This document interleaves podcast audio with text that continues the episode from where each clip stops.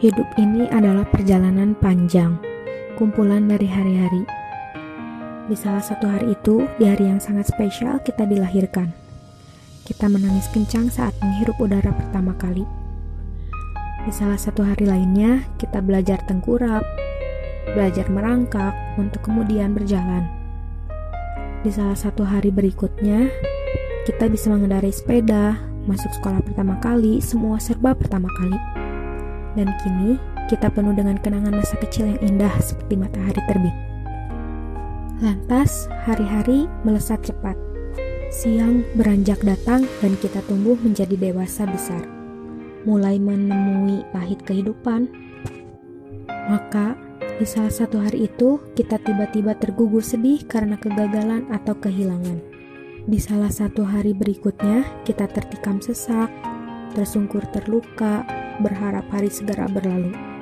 Hari-hari buruk mulai datang. Dan kita tidak pernah tahu kapan dia akan tiba mengetuk pintu. Kemarin kita masih tertawa, untuk besok lusa tergugu menangis. Kemarin kita masih berbahagia dengan banyak hal, untuk besok lusa terjatuh, dipukul telak oleh kehidupan. Hari-hari menyakitkan, tapi sungguh jangan dilawan semua hari-hari menyakitkan itu.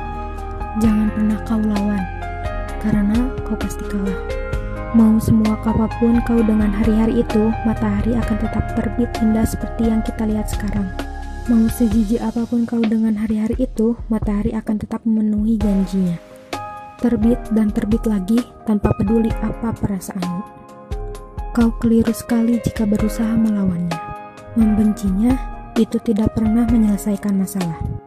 Peluklah semuanya peluk erat-erat, dekap seluruh kebencian itu. Hanya itu cara agar hatimu damai.